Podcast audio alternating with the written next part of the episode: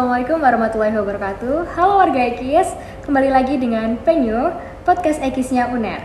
Sebelumnya perkenalkan dulu nih, aku Fidelia Karisa Aurelia yang akan membawakan episode Penyu pada kali ini.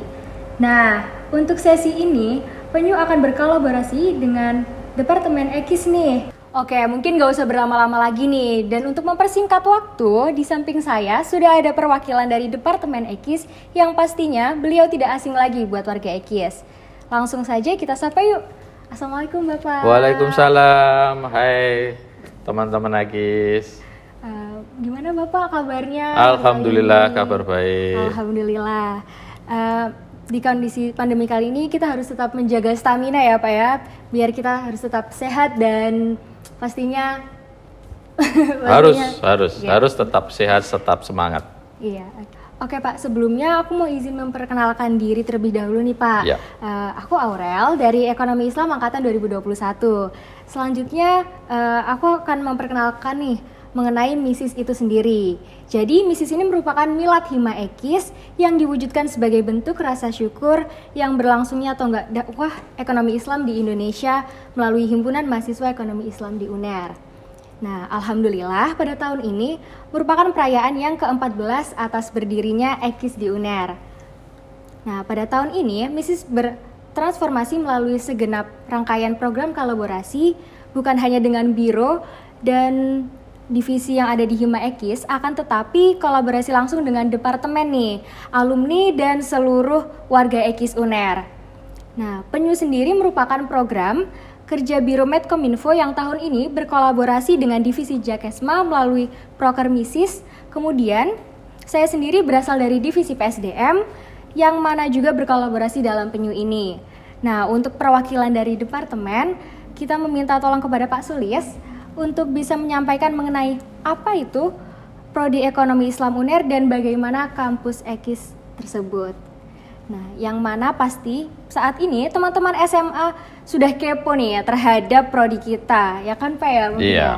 Nah, mungkin uh, nextnya kita bisa langsung ngobrol-ngobrol aja kali ya Pak ya, langsung ke sesi okay. pertanyaan saja. Yeah. Mm. Oke Pak, mungkin uh, aku mulai dari sesi pertanyaan pertama. Jadi menurut Bapak ini bagaimana sih pandangan mengenai prodi ekonomi Islam? Oke, uh, pertama-tama bahwa saya sampaikan Prodi Ekonomi Islam ini adalah salah satu prodi termuda di Fakultas Ekonomi dan Bisnis Universitas Erlangga. Namun walaupun dia adalah uh, prodi termuda, tetapi mendapatkan perhatian, mendapatkan atensi dari masyarakat, khususnya dari para peminat adik-adik di SMA yang cukup tinggi ya untuk belajar ekonomi Islam. Itu. Nah, ekonomi prodi ekonomi Islam eh, uh, Universitas Erlangga merupakan prodi ekonomi Islam pertama di universitas negeri yang ada di Indonesia. Namun kami tidak cukup berbangga dengan sebagai prodi yang pertama, tetapi kita selalu mengupdate, meredesain kurikulum kita untuk selalu uh, update terhadap perkembangan uh, keilmuan dan juga perkembangan industri yang terkait dengan ekonomi dan keuangan Islam di level nasional maupun di level internasional. Wah keren banget ya Pak ya ternyata EKIS merupakan program studi pertama, pertama di Indonesia di, di Indonesia Universitas Erlangga ya Pak pastinya. Nah menurut Pak Sulis keunggulan dari EKIS lain ini dibanding EKIS UNER sendiri dengan EKIS di universitas lain itu gimana sih Pak? Ya eh, kami tidak hanya bangga sebagai yang pertama, tapi uh, ada beberapa keunggulan Ekis, ya, Prodi Ekis Universitas Erlangga dibandingkan dengan yang lainnya. Yang pertama adalah uh, tentang bagaimana kita mendesain kurikulum. Ya, kita tidak hanya uh, mendesain kurikulum itu untuk uh, belajar uh, di kelas, ya, mempelajari sesuatu yang sifatnya statis di kelas, tetapi kita juga uh, belajar secara dinamis ya, dengan menggunakan konsep pendekatan MBKM ya. Merdeka Belajar Kampus Merdeka bahwa belajar itu tidak semat apa tidak harus dikungkung di dalam kelas tapi bisa belajar berkolaborasi dengan industri, berkolaborasi dengan masyarakat untuk menyelesaikan masalah-masalah real yang ada di masyarakat. Itu itu adalah kelebihan yang pertama. Kemudian kelebihan yang kedua adalah jejaring ya yang dibentuk oleh, oleh ekonomi Islam dengan berbagai macam pihak ya baik itu dari regulator ya seperti mungkin ada Bank Indonesia, ada otoritas jasa keuangan, ada juga dari industri perbankan, asuransi, eh, pasar modal dan juga eh, industri yang lain, industri-industri halal yang lainnya. Kemudian yang ketiga adalah kita selalu mengupdate sumber daya manusia. Nah, saat ini 60% lebih dosen-dosen di ekonomi Islam adalah dia bergelar doktor yang dari universitas-universitas ternama baik di dalam maupun di uh, luar negeri. Nah, itu adalah salah satu keunggulan dan yang terakhir adalah dalam proses belajar kita memberikan experience, memberikan pengalaman belajar yang seluas-luasnya kepada mahasiswa. Ya, bukan hanya di dalam tetapi di luar negeri ya melalui program-program inbound maupun outbound. Kalau outbound kita mengirim mahasiswa kita di berbagai macam tempat untuk belajar dengan mahasiswa yang lain ya di di baik di dalam negeri maupun luar negeri tetapi kalau dengan program inbound eh, kita membawa atau kita menerima mahasiswa-mahasiswa dari luar untuk belajar bersama mahasiswa kita di Universitas Erlangga ya itu itu adalah uh, metode pembelajaran itu keunikan yang ada di dalam uh, dari uh, program studi ekonomi Islam. Oke, baik Pak. Kalau untuk upaya yang sudah dilakukan departemen sendiri atau mungkin yang akan dilakukan departemen untuk mensosialisasikan ekis UNER sendiri, apakah sudah ada dan mungkin bagaimana Pak? Uh, ada beberapa aktivitas yang kita gunakan untuk mensosialisasikan, terutama pada adik-adik SMA ya yang mereka masih belum mendapatkan pemahaman yang lengkap tentang bagaimana apa itu ekonomi Islam. Kita sudah melakukan. Ada yang pertama adalah kita uh, melakukan uh, kunjungan baik secara fisik maupun virtual ke sekolah-sekolah ya dengan berbagai macam aktivitas ya. Uh, seperti uh, studi visit, studi visit uh, bukan bukan belum bukan studi visit. Jadi kita mengunjungi mereka, menyapa adik-adik di sekolahnya masing-masing. Tapi di satu sisi juga kita mengundang adik-adik untuk datang ke sini dengan berbagai macam kegiatan, dikolaborasikan tentunya dengan aktivitas mahasiswa ya, seperti ada lomba-lomba atau olimpiade ya, dengan berbagai macam event gitu. Ya. Jadi sosialisasinya kita lakukan uh, secara aktif ya. Kita datang kepada adik-adik mahasiswa dan juga kita open house juga adik-adik mahasiswa bisa datang ke uh, Fakultas Ekonomi dan Bisnis Universitas Erlangga dengan uh, mengikuti berbagai macam aktivitas berbagai macam ini. Baik di skala level universitas ya kita punya Erlangga Education Expo maupun kegiatan-kegiatan mahasiswa seperti lomba-lomba ya olimpiade atau seminar-seminar yang dibuat uh, sehingga atau training-training sehingga mereka memiliki pemahaman yang lebih baik gitu ya itu. Oke baik.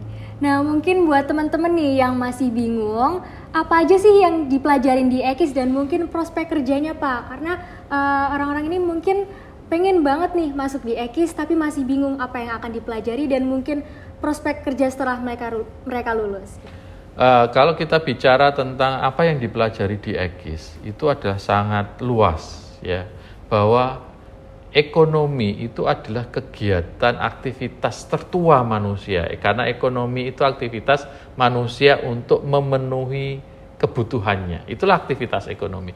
Dan kita lakukan semua aktivitas itu di uh, setiap hari. Nah, EGIS mempelajari bagaimana manusia memenuhi kebutuhannya manusia berekonomi tentunya dengan uh, mengindahkan uh, syariat Islam. Ya mengindahkan tata cara Islam ketika mereka berekonomi. Jadi uh, itu ya sebenarnya yang dipelajari. Nah bicara tentang bidang apa bekerja di bidang apa tentunya semua aktivitas ekonomi bisa Ya, tentunya uh, semua uh, aktivitas ekonomi bisa dimasuki oleh alumni EKIS. Namun kalau kita bicara tentang industri, maka kita fokuskan adalah di, di sini adalah lingkungan atau ekosistem uh, uh, ekonomi halal.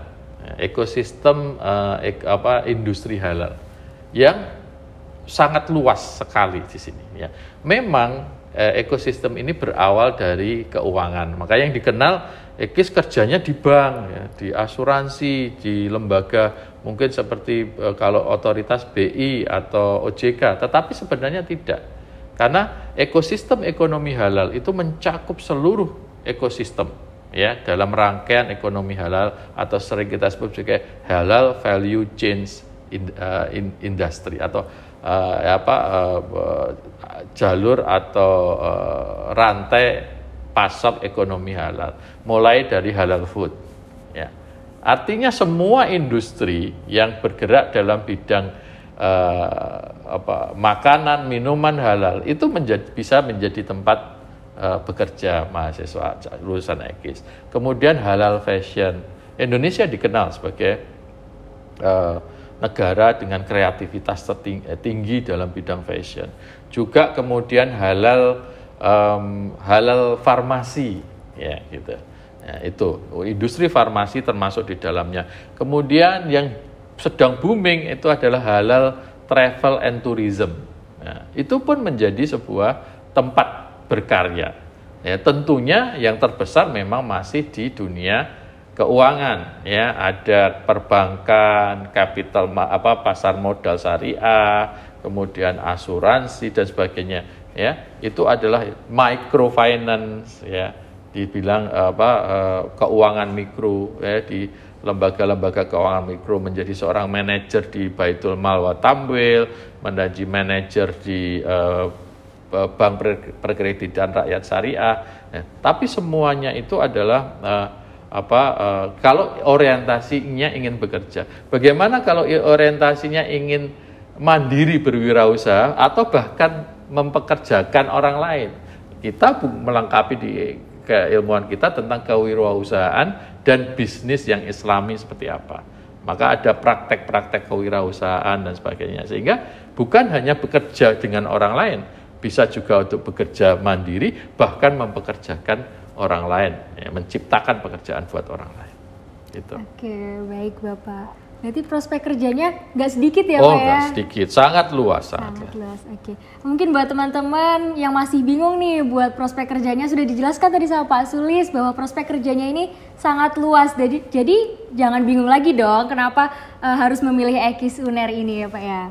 Oke, kalau mendengar isu-isu yang sedang hangat nih Pak, katanya UNER ini mau melakukan offline nih Pak, setelah dua tahun kita menjalani kuliah online. Nah, persiapan apa sih yang udah dipersiapkan oleh departemen dan mungkin berapa persen nih yang sudah dipersiapkan? Oke, uh, Universitas Erlangga secara luas, kemudian juga Fakultas Ekonomi dan Bisnis dan tentunya Departemen Ekonomi Islam sangat concern terhadap permasalahan ini pandemi uh, di satu sisi memukul uh, perekonomian yang cukup dalam, tetapi pandemi memberikan juga sebuah uh, inovasi-inovasi ya dalam apa dalam uh, bisnis juga di dalam proses-proses uh, ya, termasuk di dalamnya adalah uh, dalam pembelajaran. Kita mau tidak mau kita harus uh, menghadapi pandemi ini bukan uh, sudah kita tidak uh, bukan waktunya lagi kita uh, sembunyi ya. Kita harus berhadapan bahwa ini adalah sesuatu yang harus kita selesaikan tanpa mengorbankan uh, apa hal-hal yang lain termasuk dalam bidang pendidikan. Uh, kebijakan yang diambil oleh uh, Departemen Ekonomi Islam adalah sejalan dengan Fakultas Ekonomi dan Bisnis dan sejalan dengan Universitas Erlangga bahwa pelaksanaan pendidikan itu tunduk kepada uh, regulasi aturan yang berlaku terkait dengan penanganan pandemi COVID-19. Oleh karena itu, kita beradaptasi dengan cepat dengan uh, beradaptasi dengan segala kondisi itu. Nah, kita terapkan ya memang akan uh, kita sedang dalam proses persiapan dan persiapan ini boleh saya katakan sudah 90% jadi jangan ragu-ragu kita menyiapkan segala macam uh, prosedur yang berlaku agar mahasiswa dan dosen nyaman ya dalam mereka beraktivitas ya proses belajar mengajar tentunya dengan proses apa uh, prosedur kesehatan yang sangat apa yang yang ketat ya tentunya seperti itu. Oke, uh, yang udah dijelaskan sama Pak Sulis tadi, apakah ada kendala-kendala gitu nggak sih Pak? Uh, secara umum kendalanya adalah kalau secara fasilitas fisik kita tidak ada uh, kendala yang berarti, tetapi karena ini adalah sebuah perubahan, ya, merubah gaya apa perilaku, ya, itu yang harus kita sadari bersama-sama. Jadi kita perlu bekerja sama bukan hanya dari dosen tapi juga dari uh, apa staf pendidik pendidikan kita dan juga mahasiswa ya bahwa ini bukan uh, hanya satu pihak tapi semua pihak ya harus bisa menerapkan insya Allah kalau prosedur ini ditaati semua pihak insya Allah kita bisa menjalankan uh, aktivitas belajar mengajar secara aman kemudian secara uh, apa istilahnya nyaman serta ya, kualitas pendidikan kita tetap terjaga. Jadi kendala berarti sebenarnya tidak, tapi mungkin kita harus lebih awal melakukan sosialisasi karena ini adalah kata kuncinya adalah perubahan perilaku ya semua pihak bukan hanya dosen bukan hanya staf pendidikan namun juga mahasiswa. Ya. Baik Bapak. Mungkin kalau kita dari mahasiswa sendiri sudah siap gitu Pak untuk melakukan kuliah offline. Namun tidak sedikit juga nih yang banyak dari orang tua mahasiswa yang masih ragu untuk uh, anaknya sekul, apa kuliah offline. Nah, dari Bapak sendiri untuk meyakinkan orang tua dari mahasiswa ini untuk kuliah offline itu gimana, Pak? Oke, okay. uh, eh, kalau menurut saya uh, yang pertama uh, kita tunjukkan, kita akan sosialisasikan prosedur, ya, ya, mulai dari persyaratan mulai berbagai macam persyaratan-persyaratan tentang vaksinasi dan sebagainya. Kemudian yang kedua bagaimana prosedur ketika ada di tempat ya. Nah, saya itu semuanya akan kita buat terbuka sehingga apa, apa, uh, orang tua bisa memberikan penilaian. Namun yang lebih penting lagi adalah bagaimana kita menanamkan tanggung jawab. Ketika orang tua melepaskan anak-anaknya berangkat, itu sertailah dengan uh, ketang apa apa uh, sertailah dengan sikap optimisme dan juga menanamkan tanggung jawab. Karena pada akhirnya setiap dari kita adalah bertanggung jawab terhadap uh, diri kita sendiri. Ya. Semua uh, fasilitas yang kita sediakan tidak akan ada gunanya ketika kemudian yang menggunakan fasilitas tersebut tidak mau bertanggung jawab pada dirinya sendiri. Jadi jangan ragu-ragu ya uh, untuk uh, menggapai uh, bahwa uh, prosedur sudah kita terapkan, tetapi sertai dengan tanggung jawab, insya Allah capaian pembelajaran atau capaian pendidikan yang diharapkan oleh orang tua dan juga oleh uh, apa universitas itu bisa tercapai. Ya. Oke, baik Bapak. Kalau untuk fasilitas yang sekarang nih, yang udah benar-benar dipersiapkan matang untuk kuliah offline ini, kira-kira fasilitas yang apa aja sih Pak? ada dua fasilitas yang pertama ya, kita bicara tentang proses bukan hanya fasilitas. Yang pertama adalah proses screening. Kita sudah mulai ya sejak awal mahasiswa sudah harus mengupload uh, apa uh, status vaksinnya. Ini adalah screening awal gitu. Karena kita mem, me, me, me, mensyaratkan eh, mereka sudah vaksin ya, mereka sudah vaksin. Kemudian yang kedua adalah screening ketika mereka ada di tempat sebelum memasuki tempat. Ya, mulai dari uh, screen apa nanti ada apa uh, eh, QR atau barcode untuk peduli lindungi, untuk ngecek suhu, kemudian juga untuk bagaimana alur ya peserta agar tidak bertabrakan. Ya, Eh, dan diatur ya antara uh, proses masuk dan keluarnya ya pergantian antar kelasnya sehingga seminim, seminimal mungkin interaksi itu bisa dikendalikan. Juga proses yang ada di dalam kelas, bagaimana jumlah maksimum yang ada di dalam kelas kita atur sesuai dengan uh, prosedur regulasi yang telah ditetapkan juga dengan ke aktivitas-aktivitas yang lain yang di luar kelas gitu ya untuk menghindari kerumunan untuk menghindari uh, interaksi dalam jangka panjang di tempat tertutup itu semuanya kita perhitungkan sehingga uh, saya harapkan semuanya itu bisa bisa dijalankan dimanfaatkan bersama tapi dengan tanggung jawab bersama juga ya. Oke baik Bapak. Uh, tadi merupakan pertanyaan terakhir dan yang bisa saya ambil berarti dari departemen sendiri sudah siap ya Pak untuk melakukan kuliah offline.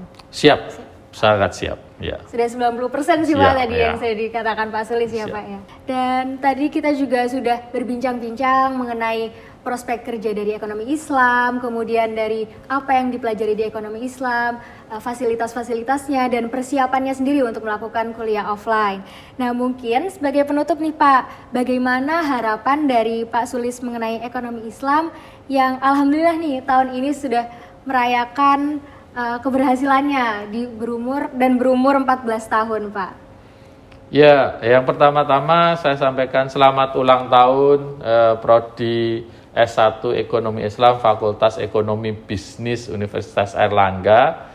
Ya, yang ke-14 bukan usia yang uh, apa istilahnya muda lagi ya, jadi sudah menginjak remaja Semoga uh, uh, S1 Ekonomi Islam semakin baik memberikan layanan ke depan kepada mahasiswa, mampu mencetak eh, insan-insan uh, yang memberikan kontribusi bagi pengembangan ekonomi dan keuangan Islam di Indonesia bahkan di dunia menjadi berkelas dunia bukan hanya berorientasi lokal saja.